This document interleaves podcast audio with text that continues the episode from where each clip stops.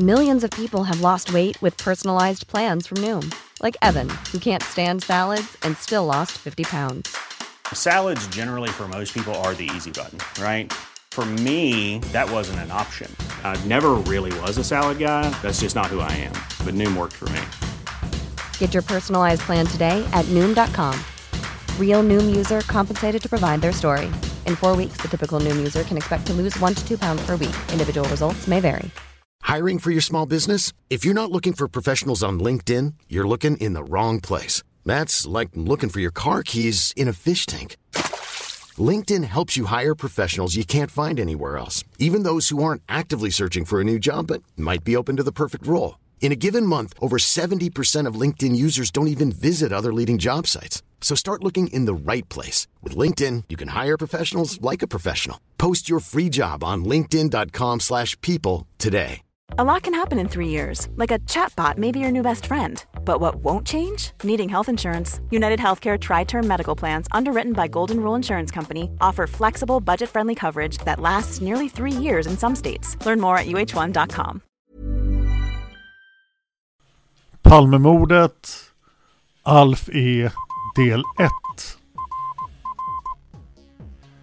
Sveriges statsminister Olof Palme är död. 90 000. Ja, det är mord på Sveavägen. Hörde de säger att det är Palme som är skjuten. Mordvapnet med säkerhet är en Smith Wesson, en revolver kaliber .357. Inte ett svar. Finns inte ett svar. För jag har inget. Och jag har inte varit Varför skulle jag Polisen söker en man i 35 till 40-årsåldern med mörkt hår och lång mörk rock. Mina källor för avsnittet är Granskningskommissionens rapport, artiklar, webben, där det finns mycket att läsa om för eller emot Alf E. Och bilden är väldigt extrem åt båda hållen. Jag kommer att använda mig av källor i det här avsnittet som jag kanske vanligtvis inte skulle använda mig av. Men jag ska försöka vara noga med att berätta varifrån uppgifterna kommer när det är kontroversiellt. För att vissa saker kommer att låta lite mindre sansade än vanligt i det här avsnittet. Alf E, som vi kommer att följa i tre avsnitt, föddes i Gamla Uppsala 1929. Han växte upp i Hedemora och i arbetarstadsdelen Brynäs i Gävle dit han flyttade vid sju års ålder. Och redan 1937, vid åtta års ålder, påstår Alf E själv att han blev socialdemokrat. Kanske i själen då för att andra källor säger att han blev aktiv i partiet under 40-talet, vilket också var väldigt tidigt. I Brynäs då så var hans bana i princip utstakad. Antingen kunde han jobba på gjuteriet eller så kunde han bli snickare. Men av en ren slump började han på läroverket och tog sig in på en akademisk bana. Han gick i Borgarskolan i Gävle i fyra år. Vid 16 års ålder så hade han blivit väldigt intresserad av segelflyg så pass att han kunde bli segelflygslärare. Det lät väldigt tidigt. Han började också sjunga i kör och blev körsångsmedlem från 18 års ålder. Han gick tekniskt gymnasium i Gävle och blev flygingenjör i Norrköping.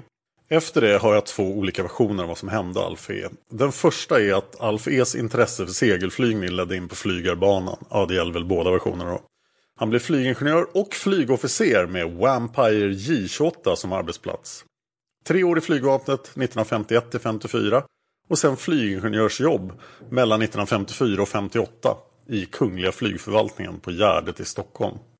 Den andra versionen är att Alf startade sin läkarutbildning i Kiel i Tyskland 1954. Gick tre år på den grundutbildningen och gick ut med högsta betyg. Trots att då utbildningen var på tyska.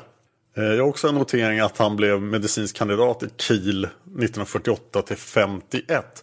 Men alla spåren går ihop 1959 när Alf E, då 30 år gammal, får sitt första jobb på Karolinska sjukhuset i Solna.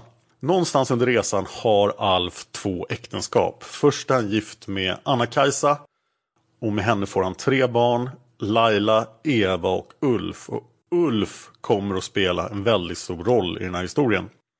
Han var också gift med Ingrid och fick ett barn, Isabelle. Det verkade gå bra för Alf som läkare. Han verkade vara duktig på att sköta sjukvården effektivt. Och eh, enligt vissa källor skickades han genom Medicinalstyrelsens önskan till olika kommuner runt om i Sverige där man hade problem med sin sjukvård. Och eh, Alf säger att han har haft jobb i 25 kommuner. Han har dessutom varit polisläkare. Och vi vet att han har varit anställd i KF som företagsläkare. Alf säger själv att han har haft 136 000 patienter. Och det låter ju som väldigt många. Alfs CV finns på hans egen hemsida på nätet. Som jag kan länka till om ni ber mig.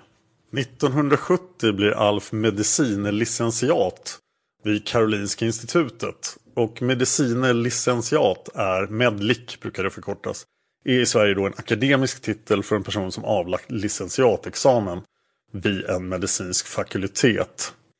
Och före 69 då var medicin och licentiatexamen en examen som krävdes för erhållande av läkarlegitimation. Men det nuvarande systemet med läkarexamen följt av allmäntjänstgöring fanns då inte på den tiden. Alf har alltid sysslat med politik. Enligt Alf själv och hans anhängare skapar han ett stort nätverk med betydande människor inom den svenska politiken och företagsvärlden och senare även inom artistbranschen. För där träffade han skådespelerskan J.O.P. Tycke uppstod och JO J och Alf bildade familj. De fick fyra barn så att Alf har alltså åtta barn. Eh, de fyra barnen Alf och Gio fick heter Vanessa, Tatjana, Angela och Johan. Och yngst av dem är Johan, född 1981. Och Johan kommer komma tillbaka i del tre av det här. Men innan vi går vidare med historien om Alf måste vi berätta lite om hans livspartner som han hittar här.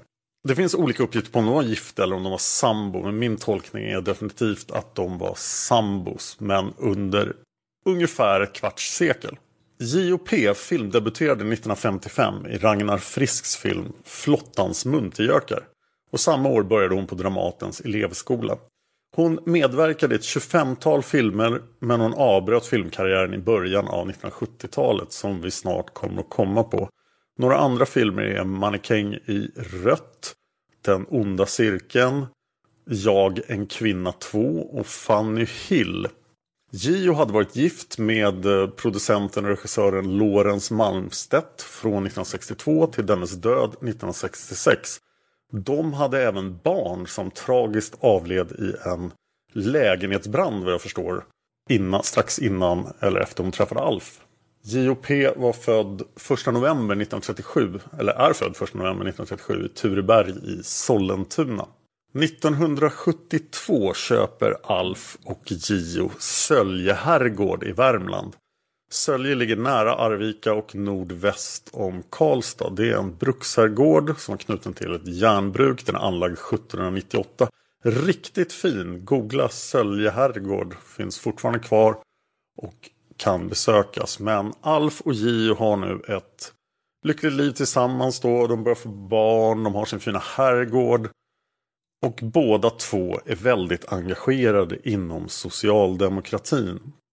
1973 var det riksdagsval och Socialdemokraterna har då suttit vid makten i Sverige under en väldigt lång tid. Eh, under upptakten till valet 73 så talade Alf E och J.O.P. då vid ett antal av Socialdemokraternas valmöten. Och Alf var helt övertygad om att detta var det som gav segern till Socialdemokraterna. Det var det som säkrade att Olof Palme skulle fortsätta vara statsminister. Och Alf hävdade då att han och Gio bokstavligen hade lagt makten i Palmes händer. Journalisten Allan Sandström kommenterade i boken KDS, partiet bakom Fromhetsvallen, att Alf möjligen överskattade vikten av sin egen medverkan vid valet 1973. Alf påstod också att han hade haft en nära relation till Tage Erlander och att Tage Erlander hade funderat på om inte han alltså Alf, skulle vara en bättre efterträdare än Olof Palme. 1974 skär det sig mellan Alf och J å ena sidan och Olof Palme å andra sidan. Eller ja, Socialdemokraternas ledning.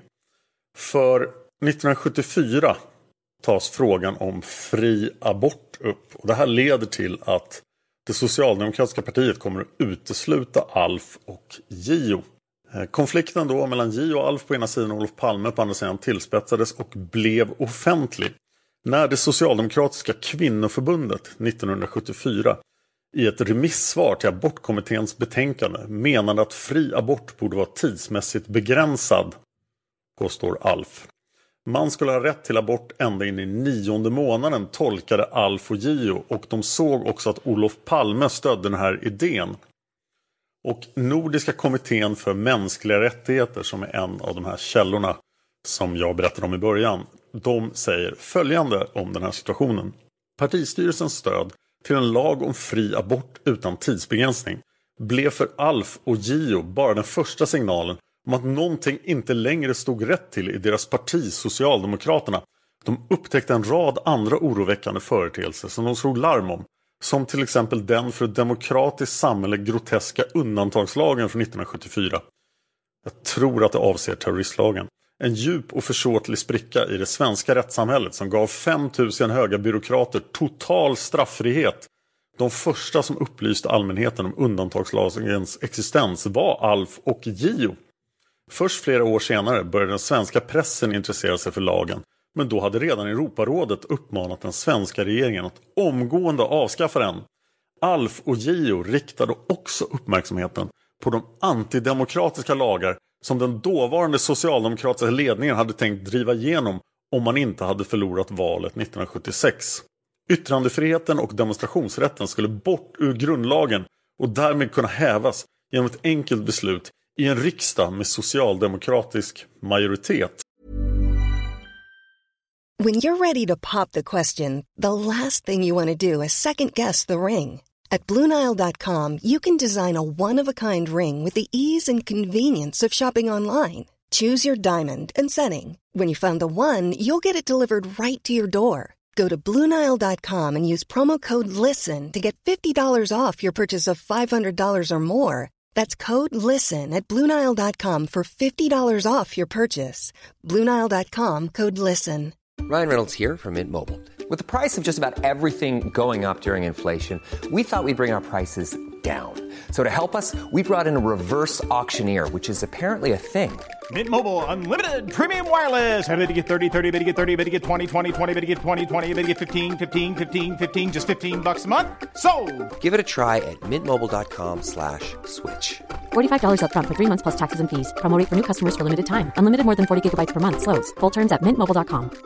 Normally, being a little extra might be a bit much, but not when it comes to healthcare. That's why United Healthcare's Health Protector Guard fixed indemnity insurance plans, underwritten by Golden Rule Insurance Company, supplement your primary plan so you manage out of pocket costs. Learn more at uh1.com. Och här måste vi då fundera på vilken position Alf egentligen hade i Socialdemokraterna. Det har varit väldigt svårt att hitta uppgifter från det socialdemokratiska partiet här. Men socialdemokraten N. Kock har sagt Alf E sa sig vara ledare för den socialdemokratiska oppositionen mot Olof Palme. Men hans Palmehat var sjukligt och förvirrat och hade bland annat sin grund i att han och hans i hennes egenskap av skådespelerska mera vida kända sambo inte hade fått det erkännande de tyckte sig vara värda efter att ha ställt upp i ett upprop för Olof Palme i 1973 års valrörelse. En kock fortsätter. Alf E var nog dessvärre en politisk idiot. En nyttig idiot tyckte de krafter i det svenska näringslivet som ville få bort Palme och därför gav hans socialdemokratiska opposition riktiga bidrag till de anti-Palme-annonser han regelbundet publicerade i tidningarna. Och de annonserna kommer vi att komma tillbaka till väldigt snart. En kock fortsätter. Alf E försökte också markera att han var socialdemokrat genom att söka audiens hos den dåvarande partisekreteraren Bo Toresson. Toresson beslöt sig för att ta emot Alf, mest för att han därmed hoppades kunna få Alf E att sluta med sin annonskampanj som ju onekligen bidrog till att kasta skit, inte bara på Olof Palme, utan också på partiet. Och då ville Toresson ha också mig på den här träffen, alltså en kock. Inte för att jag var hans närmaste man, utan för att jag på partiexpeditionen hade ett grundmurat rykte om att vara bra på att ta hand om dårar. Och jag lyckades hyggligt i psykiatribranschen den här gången också. Alf såg snart Toresson och inte minst mig som sina hjältar inom socialdemokratin. Vilket senare dessvärre kom att innebära att jag fick en rad telefonsamtal från honom. Och jag fick också besök.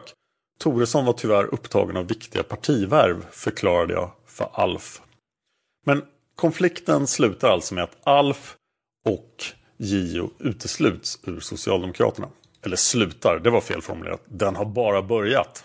En annan kraftig motståndare mot abortlagen var då Alf Svensson. Det kommer att förekomma fyra Alf i de här avsnitten så att jag hoppas ni inte blir förvirrade. Men det är alltså Alf Svensson, partiledare för Kristdemokratisk samling. Och Alf Svensson inbjöd då Alf E och JOP till ett av KDS opinionsmöten mot abortlagen och båda två inträdde kort därefter i KDS Kristdemokratisk samling. Eh, Gio och Alf lämnade dock KDS 1976 och därefter har Alf kopplat ihop med Europeiska arbetarpartiet EAP som vi kommer att göra speciella avsnitt om. Relationen mellan EAP och Alf har varit svår att tolka. För Alf har ju drivit sitt eget parti kan man säga, även om det inte var ett riktigt parti, som han nog kallade för socialdemokratisk opposition. Men EAP och Alf har Palmehatet gemensamt och det kommer att komma fram lite uppgifter om relationen mellan EAP och Alf i det här avsnittet. Men vad gällde då den här stora konflikten? Jag tänkte prata lite om abortlagen. För abort i Sverige blev lagligt 1938 och enligt då den lagen så var det tillåtet att utföra abort i Sverige på medicinska, humanitära eller rashygieniska skäl. Det betydde att om graviditeten utgjorde ett allvarligt hot mot kvinnans liv, om hon blivit barn genom våldtäkt eller om det fanns en risk för att hennes barn kunde få allvarliga skador eller sjukdomar, då var abort tillåten. Lagen utökades 1946 och kom då också att inkludera socialmedicinska anledningar. 1963 gjordes en ny utökning av abortlagen som inkluderade allvarliga fosterskador. En särskild kommitté utredde varje enskilt fall och som ett resultat av denna utredningsprocess kunde beviljade aborter sällan utföras förrän mitten av den andra trimestern. Och därför kom det då ett nytt förslag och en ny abortlag. Och 1974 då, med Olof Palmes välsignelse, så gick den nuvarande abortlagen igenom och det är den vi har än idag. Och kort sammanfattat är den nuvarande abortlagen då att man kan göra abort fram till slutet av 18 veckan av graviditeten och av vilken anledning som helst. Efter den 18 till 22 veckan krävs tillåtelse från Socialstyrelsen som ofta ges på grund av att fostret eller modern lider av svåra sjukdomstillstånd. Den är förstås mycket mer komplicerad än så, men det är en kort sammanfattning. 1975 blev Alfs son Ulf, som enligt egen uppgift misshandlats av fadern, omhändertagen av de sociala myndigheterna och fosterhemsplacerad hos sin klassföreståndare. Alf ansåg att Olof Palme personligen låg bakom det här omhändertagandet. Och Ulf skulle långt senare dö och då blev Alf övertygad om att Palme hade mördat Ulf. Alf påstod att Palme ringde och hotade Alf att om Alf inte upphörde med sin kritik mot den socialdemokratiska regeringen så skulle Alf inte få tillbaka sin son Ulf. Och det finns som sagt ett antal Alf-vänliga källor på nätet som angående det här fallet då säger följande. Denna avskyvärda utpressning fick motsatt effekt. Alf intensifierade sina ansträngningar tillsammans med Gio för att på egen hand upplysa allmänheten om diktaturtendenserna i Socialdemokraterna under ledning av Olof Palme. Och det här ledde då i förlängningen till att man tog ifrån Alf Enerström hans arbete som företagsläkare på KF de anställda på KF överlämnade en protestlista men deras ombud uppmanades kasta protestlistan i papperskorgen. Och sen bedrev Olof Palme, enligt Alf, en långvarig kampanj för att sabotera Alf och Gios privatekonomi. Och vi kommer att beröra den kampanjen igen. Ändå fortsatte enligt Alf tiotusentals så kallade vanliga människor att stödja paret Alf och Gio genom att skicka pengar till socialdemokratisk opposition så att de kunde fortsätta annonsera i det krympande antal tidningar som fortfarande tog emot deras betalda inlägg. Antalet tidningar skulle krympa med tiden. Men notoriskt vilja att ta in Alfs annonser var Dagens Nyheter. Eh, Alf påstår även att det skedde ett försök att eh, knäcka honom och Gio genom att konfiskera tillgångarna på deras postgirokonto under den lögnaktiga förevändningen att Alf hade skatteskulder. Och nu har vi nämnt de här annonserna lite och jag skulle kunna göra flera timmar med Alfs annonser. Men några av dem är värda att ta upp och vill ni höra mer så skulle jag möjligtvis kunna göra en YouTube-special där jag bara läser Alf-annonser och visar dem. Eh, om ni är intresserade av det så säg till. Men här kommer några exempel på den här annonskampanjen då som Alf börjar driva och driver under ett decennium eller mer. Vi börjar med en annons från Dagens Nyheter den 7 februari 1982. Eh, det här är en ruta, den är inte särskilt stor. Många säger att Alf köpte helsidesannonser i DN men jag har inte hittat några sådana. De flesta är väldigt små. Det är väldigt tydligt. DN har markerat att här är en annons. Och rubriken säger Sömngångaren Olof Palme. Och nu läser jag från Alfs annons då. För den politiskt insiktsfulle var hela 70-talet skakande dramatik. Det gällde friheten och ekonomin. 1976 berättade till exempel professorn i politik och den mest begåvade av alla, Gustav Jonnergård, för oss hur ekonomin skulle utvecklas mot ett allt större underskott och även att det skulle vara omöjligt att undvika den stora katastrofen så länge det stora oppositionspartiet med Olof Palme i spetsen vägrade gå med på konstruktiva lösningar. Palme och hans regering hade i början av 70-talet apterat en tidsinställd bomb. När bomben hade briserat skulle det vara lätt att ta makten. Det gäller att välja rätt ledare, det har historien lärt oss. Rätt ledare är inte alltid den som pratar bäst och lovar mest. En sån ledare har man istället rätt att kalla bondfångare enligt gammalt svenskt språkbruk. I senaste valrörelsen försökte den naive Olof Palme att vinna val genom att utfärda ett fribrev till villaägarna. I sista minuten kastade han ut lockbetet, ungefär som om det hade gällt att fånga en gammal och trött haj. Vi vet idag hur det blev. Varför skulle villaägarna ha fribrev när arbetarpartiets folk mest består av hyresgäster?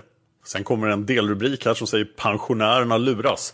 Och all fortsätter. Det är likadant nu igen. Palme vet att pensionärerna är många. Många är kanske också gamla och senila och kan inte tänka alldeles klart. Därför kastar Palme ut ett fett förgiftat fläskstycke och han hoppas att den trötta hajen ska hugga.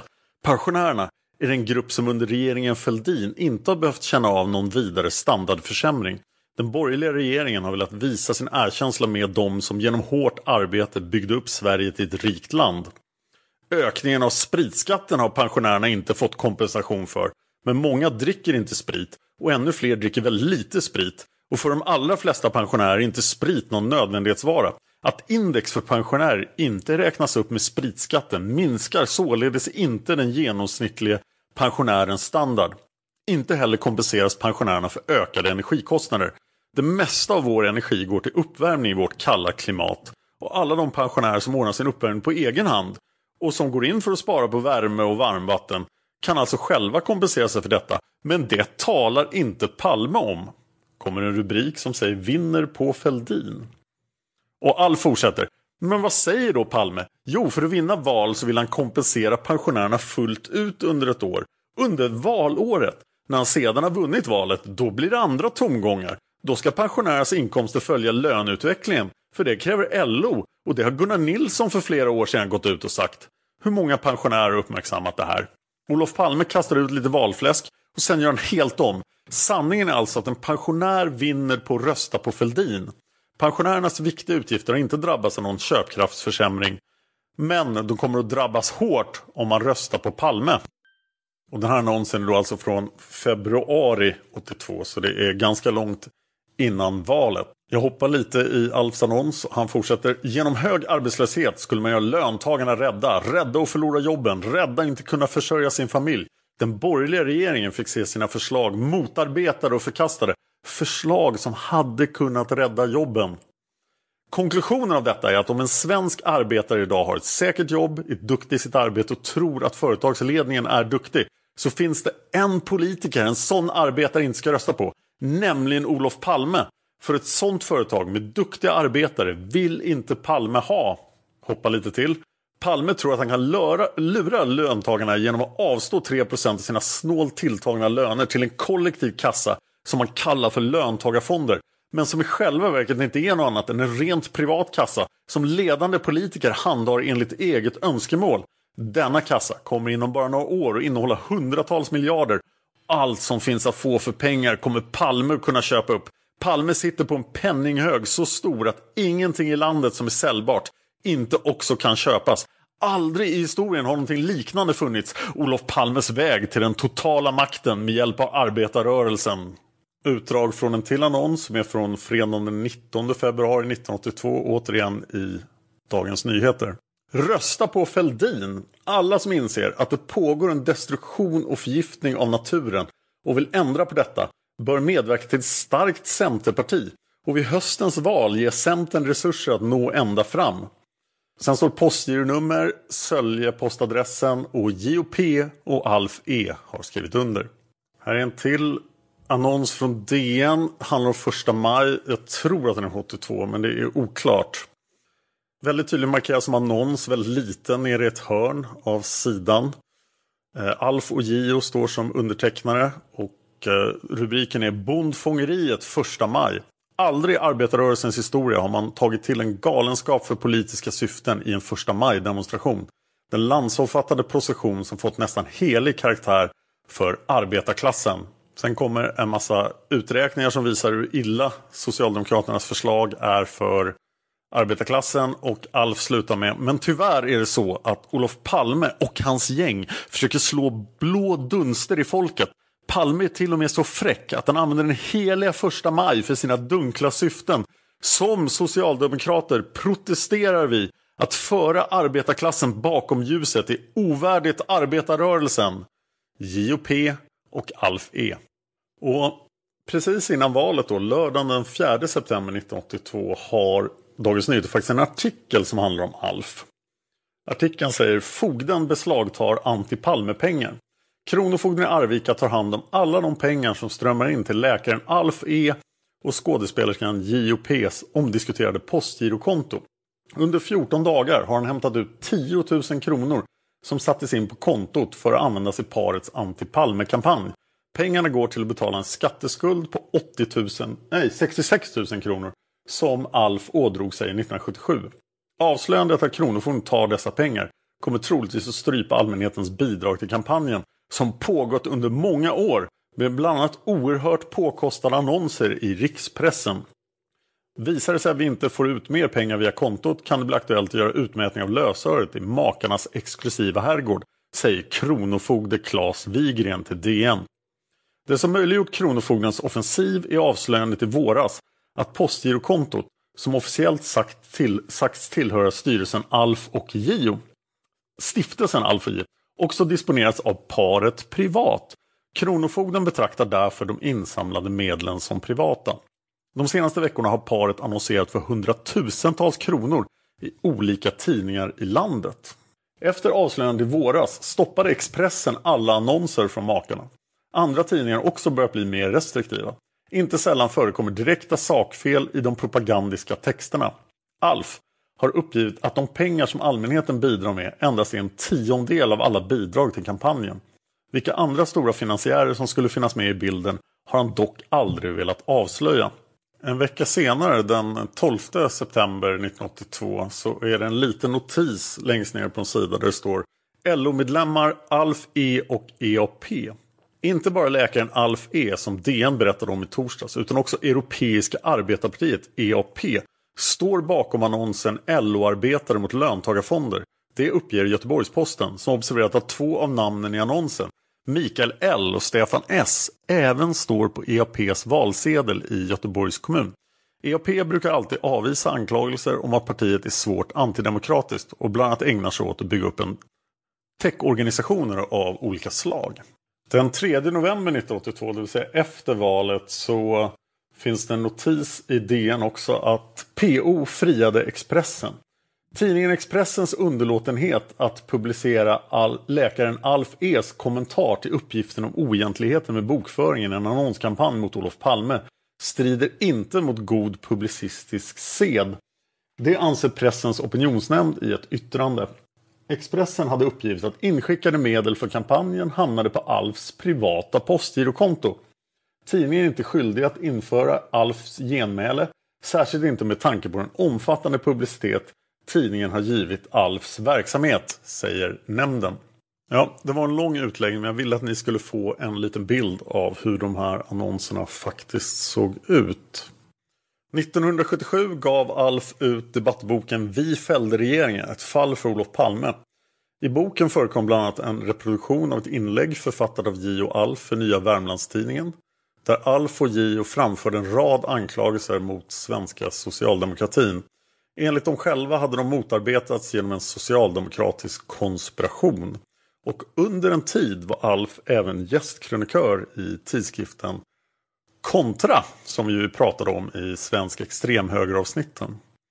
Alf sa själv om sin annonskampanj. Parets kampanj för att detronisera Palme var framgångsrik. 60 000 svenskar bidrog med 40 miljoner kronor och Astrid Lindgren bidrog med 4 miljoner kronor. Det är alltså en uppgift som kommer direkt från Alf och Alf-vänliga sidor. Eh, Astrid Lindgren bidrog med 4 miljoner till en åsiktsannonseringskampanj som startade 1976 och pågick från och till fram till 2002 då Göran Persson tillfälligt stoppade denna aktivitet. Det viktigaste resultatet av kampanjen var att den stoppade Meidners löntagarfonder. Det blev en snällare variant av löntagarfonder som lätt togs bort av Carl Bildt. En annan väldigt Alf-vänlig källa är boven 1758.info. Och eh, de har, eller han har följande att säga om Palmes hat mot Alf. Olof Palme jobbade hårt på att knäcka Alf. Han såg till att stänga av vattnet till Alfs läkarpraktik i Grums. Han såg till att Alfs son i ett tidigare äktenskap blev omhändertagen av sociala myndigheter, sattes i fosterhem och drevs i döden. Boven 1758 berättar också att JOP var en dag ute tillsammans med yngsta dottern då de utsattes för ett mordförsök. En bil stod med motorn igång men verkade förelös. Då de två damerna passerar bakom bilen sätter den full fart framåt. Gio rusar undan och drar dottern efter sig. Men hennes ena ben hinner inte undan utan blir överkört. Bilen försvinner i rasande fart och dottern hamnade på sjukhus. När det börjar närma sig då val igen 1985 så är Alf etablerad som kanske den person i Sverige som hatar Olof Palme allra mest. Och det leder till att Alf blir kontaktad av folk som också hatar Olof Palme. Och Lars Borgnäs skriver i En iskall vind drog genom Sverige på sid 354. Också Alf E, mannen bakom de hetska annonskampanjerna mot Olof Palme, har lämnat uppgifter som visar att något var på gång under senhösten 1985. Han påstår att han vid flera tillfällen, ända från 1982, det år som Olof Palme blev statsminister igen, fått besök av personer som ville ha finansiellt stöd för en operation för att med våld ta bort Olof Palme från makten.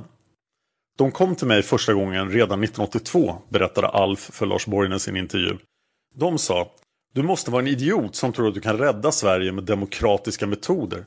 Ja, sa Alf. Så länge det finns yttrandefrihet och demonstrationer så ställer jag inte upp på något annat. Kom igen om molnen drar igen och det blir här som det är i Kuba eller Chile. Hi, I'm Daniel, founder of Pretty Litter. Cats and cat owners deserve better than any old-fashioned litter. That's why I teamed up with scientists and veterinarians to create Pretty Litter. Its innovative crystal formula has superior odor control and weighs up to 80% less than clay litter. Pretty Litter even monitors health by changing colors to help detect early signs of potential illness. It's the world's smartest kitty litter. Go to prettylitter.com and use code ACAST for 20% off your first order and a free cat toy. Terms and conditions apply. See site for details. A lot can happen in the next three years. Like a chatbot may be your new best friend. But what won't change? Needing health insurance. United Healthcare Tri Term Medical Plans are available for these changing times. Underwritten by Golden Rule Insurance Company, they offer budget friendly, flexible coverage for people who are in between jobs or missed open enrollment. The plans last nearly three years in some states, with access to a nationwide network of doctors and hospitals. So, for whatever tomorrow brings, United Healthcare Tri Term Medical Plans may be for you. Learn more at uh1.com. Planning for your next trip? Elevate your travel style with Quince. Quince has all the jet setting essentials you'll want for your next getaway, like European linen, premium luggage options, buttery soft Italian leather bags, and so much more. And is all priced at 50 to 80% less than similar brands. Plus, Quince only works with factories that use safe and ethical manufacturing practices. Pack your bags with high-quality essentials you'll be wearing for vacations to come with Quince. Go to quince.com/pack for free shipping and 365-day returns. Men då berättade de för Alf att de var beredda att göra en statskupp. Alf säger De sa vi har 500 man varav 250 kan besätta Radiohuset och 250 kan besätta Rosenbad. Alf svarade ni menar väl inte att ni kan göra statskupp i Sverige med 500 man? Och då svarade de att Quisling hade inte fler när han övertog Norge. De såg det som att Sverige var i livsfara och det måste göras någonting. Lars Borgnäs frågar, de sa 500 man och Alf svarar Ja, han sa vi har 500 man men det är möjligt att han ljög. Men de sa, du tror väl inte att en enda officer i det här landet ställer upp bakom Palme? Eller en enda polis? Dessa människor återkom enligt Alf vid flera tillfällen från 1982 fram till senhösten 1985. Och de bad varje gång om ekonomiskt stöd för att ta bort Palme med våld. Alf säger, ja de uppfattar honom som en svikare och som en landsförrädare. Lars Borgnäs frågar, hur uttrycktes det? Alf svarar, de uttryckte sig så, han var farlig. Och de kom till mig sista gången i november-december 1985. Borgnäs frågar, vad var det för slags människor? Alf svarar, de var alla slags människor. Poliser, militärer, lärare och präster. Men vilken var faran de såg? Att Sovjet skulle anfalla. Det var så man sa. Vad ville man göra med Palme? Ja, förmodligen skjuta honom. Det var ju det de gjorde. Borgnäs, du utgår alltså ifrån Alf, ja det utgår ifrån. De sa att eh, de skulle göra det de trodde skulle hända. Det hände ju. Borgnäs frågar, om du nu fick besök av människor som syftade att ta till våld mot Palme, varför slog du inte larm? Och här kommer vår tredje Alf i avsnittet. För Alf E svarar, det gjorde jag. Jag ringde Alf Karlsson på Säpo, jag var uppe och pratade. Borgnäs, berättade du det för honom? Alf, ja jag berättade precis allt, han skulle återkomma. Men han återkom inte. Borgnäs fortsätter texten i boken. Alf Karlsson var vid den här tiden intendent på Säpo. Eh, det var han som i augusti 1985 flaggade för att PKK hade planer på att mörda Olof Palme. Det var också han som var sambandsman mellan Holmers Palmerum och Säpo under den första tiden. Alf Karlsson slutade vid Säpo ett år efter mordet och började arbeta i ett privat säkerhetsföretag vid namn VIP AB, Vinge Integrated Protection. Det företaget leddes av PG Winge, den man som 1970 fått sparken av Olof Palme som Säpochef sedan han uttryckt misstro mot Olof Palmes pålitlighet. Huruvida Alf Karlsson är hörd av mordutredaren om sina kontakter med Alf E känner inte Borgnäs till. Det skriver granskningskommissionen ingenting om. Karlsson själv har upprepade gånger vägrat gå med på intervjuer då Lars Borgnäs eller Thomas Bresky har tillfrågat honom. Och som att ni inte hade nog med alfar i det här avsnittet så kommer nu nummer fyra. För Borgnäs skriver Enligt den förre Palmeutredaren Alf Andersson som var speciellt intresserad av Alf E på grund av dennes centrala roll i de Palmehatiska nätverken fanns det i utredningens handlingar ett dokument från kort efter mordet som förklarade Alf E som ointressant. Vem som skrivit det framgick inte. När jag fick ärendet, sa Alf Andersson till Borgnäs, låg det ett spaningsuppslag. Eh, där Säpo på några få rader skrev att Alf E är inte av intresse i utredningen. Det var två rader eller så på ett papper. Borgström frågar. Borgnäs frågar. Så Enerström hade fått ett fribrev från Säpo? Alf Andersson svarar. Jag fick veta muntligt att Alf E hade varit uppe och pratat av sig där. Men det samtalet fanns inte med och det har jag inte sett till senare heller. Så vad Säpo grundade sitt fribrev på vet jag inte. Alf E har aldrig preciserat vilka de personer var som kom till honom och bad om stöd för att ta bort Palme med våld. Han har sagt att de inte presenterade sig.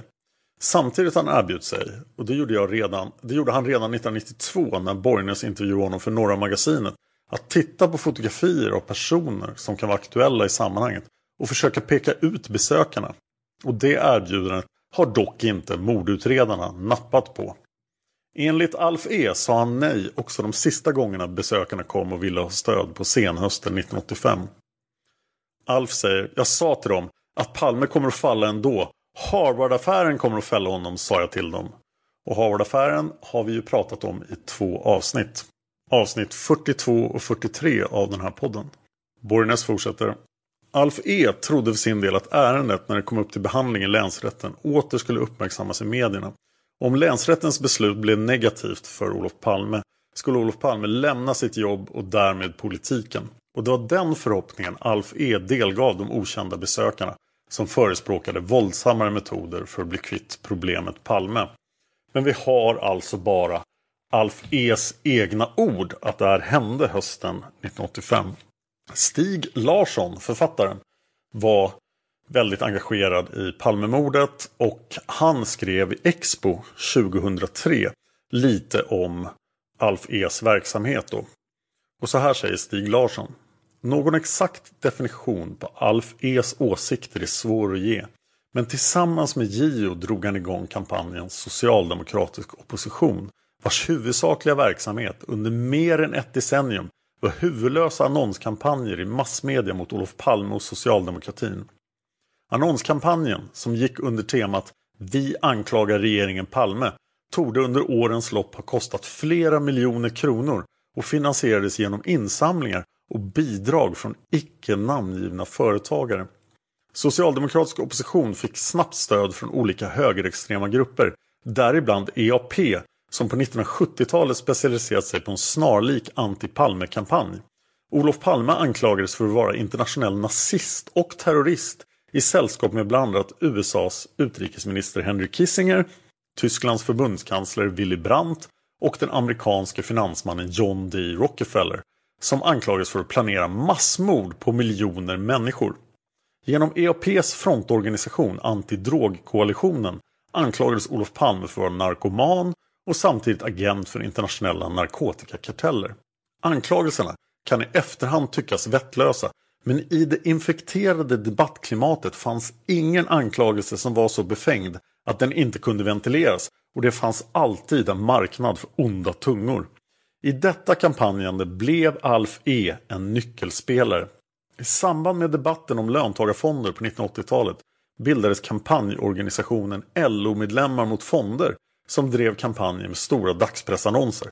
Bakom kampanjen stod EAP och för finansieringen svarade Alf E. Då Olof Palme mördades 1986 hårdgranskades av förklarliga skäl både EAP och Alf E. Alf E blev också favorit hos flera privatspanare som framförde olika teser om Palmemordet. Och Stig snuddar vid någonting väldigt viktigt här för att när vi har gjort klart de här tre avsnitten så kommer det vara väldigt lätt att avfärda Alf som en fullständig galning.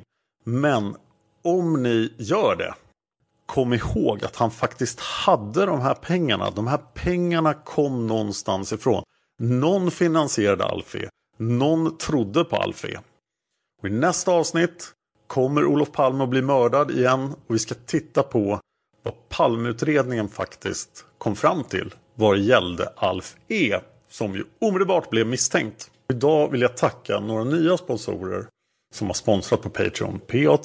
patreon.com Palmemordet.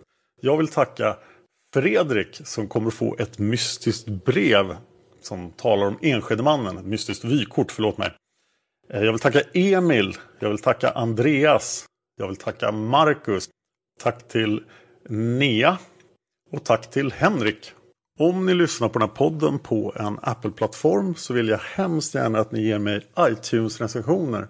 För att det gör att folk får reda på mera om podden och att den sprids. Och jag har fått fyra nya iTunes-recensioner sedan jag läste upp dem senast. Den första kommer eh, från Janne Värmland, heter Ris och ros. Tre stjärnor. Hej Dan, en riktigt bra podd med potential att bli ännu bättre. Han håller med Cowboy Jake på alla punkter. Cowboy Jakes recension har vi redan läst. Nästa recension är fem stjärnor, intressant och bra från Goppet. Gillar att Dan Hörning inte driver en egen teori om Palmemordet. Det är väldigt intressant att ta del av allt som hänt i och runt utredningen. Lisbeth Palme, Skandiamannen, Christer P, Polisspåret, Prime Evil, Stay Behind, Harvardaffären, Råtarméfraktion och PKK med mera. Jag vill veta allt om allt och alla. Jag tycker dock att Dan tappar momentum när ögonvittnena avhandlas. Det är samma historia hundra gånger om från olika infallsvinklar. Jag litar på dig Mr Hörning. Sålla lite i de sega förhörsavsnitten. Och nörda ner dig i sakerna som kittlar istället. Jag älskar podden i övrigt. Ja, jag insåg att det blev många ögonvittnesavsnitt. Men jag tycker inte man kan ge en rättvis bild. Ögonvittnesavsnitten är det vi vet som kom från Sveavägen. Det vi faktiskt vet om gärningsmannen var därför jag la så stor prioritet på dem. Jag ville egentligen börja podden med allt det där men det hade ju inte gått. Men nu är ögonvittnes, ögonvittnesavsnitten klara. Och vi kommer att gå vidare på spår. Och når vi 250 dollar på Patreon så kommer vi att komma till Polisman A, vilket jag vet att väldigt många vill. Nästa recension är, säger grymt bra podd om Palmemordet, fyra stjärnor av Howling Hawk. Jag gillar verkligen detaljrikedomen i alla ämnen då det ger en annan bild av de olika vittnesmålen och spåren. Det enda jag saknar är möjligen gäster som privatspanare eller före detta Palmeutredare. Ja, jag har varit restriktiv med gäster för att jag fick ljudklagomål. Det var svårare att få bra ljud i gästavsnitten. Men på grund av Peter, en mycket generös lyssnare, så är det löst. Jag har fått hjälp, jag har fått utrustning. Och det här kommer då förhoppningsvis ni att märka nästa gång jag har en gäst. Sen kommer en recension från Beredskapsbyråkraten med rubriken Jonas, fem stjärnor. Intressant och klarläggande om ett ämne som jag haft svårt att greppa innan. Jag har nu, nu lyssnat igenom alla avsnitt och längtar ständigt efter nya. Palmemordet finns på Facebook. Jag finns på Twitter, Dan Horning. Palmemordet finns också på Youtube. Tack för att ni lyssnar. Man hittar Palmes mördare om man följer PKK-spåret till botten. För att ända sedan Julius Caesars tid har jag aldrig hört talas om ett mord på en framstående politiker som inte haft politiska skäl. Polisens och åklagarens teori var att han ensam hade skjutit Olof Palme. Och det ledde också till rättegång. Men han frikändes i hovrätten. Nu ska